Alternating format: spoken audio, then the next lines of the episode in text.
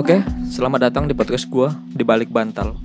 Kali ini gue mau ngomongin soal ditinggal nikah. Gue belum pernah sih ditinggal nikah, semoga aja jangan pernah. Tapi nggak kebayang sih gimana sakitnya, apalagi pas lagi sayang-sayangnya. Kalau gue ditinggal nikah sih nggak masalah ya, selagi pilihan dia yang baru lebih baik dari gue. Lebih baik dalam hal apa pun, terutama dalam hal memperlakukan dia. Tapi kalau nggak lebih baik dari gue, nggak usah ke mana-mana lah, sama gue aja kita bangun kerajaan di mana lu ratunya dan gua raja. Iya. Tapi gue bener kesel sih kalau ada orang yang ninggalin nikah orang lain karena selingkuh. Soalnya gini, Bismillahirrahmanirrahim. Fabi ayyi ala irabbikuma tukadziban. Maka nikmat Tuhanmu yang manakah yang kamu dustakan? Maksudnya gini, ada seseorang yang mau nikah sama lu, lu malah selingkuh, apalagi sampai ngehamilin anak orang.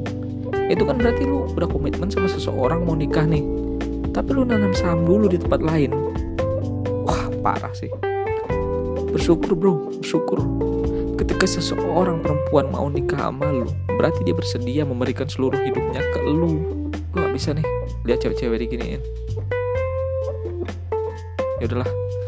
Salam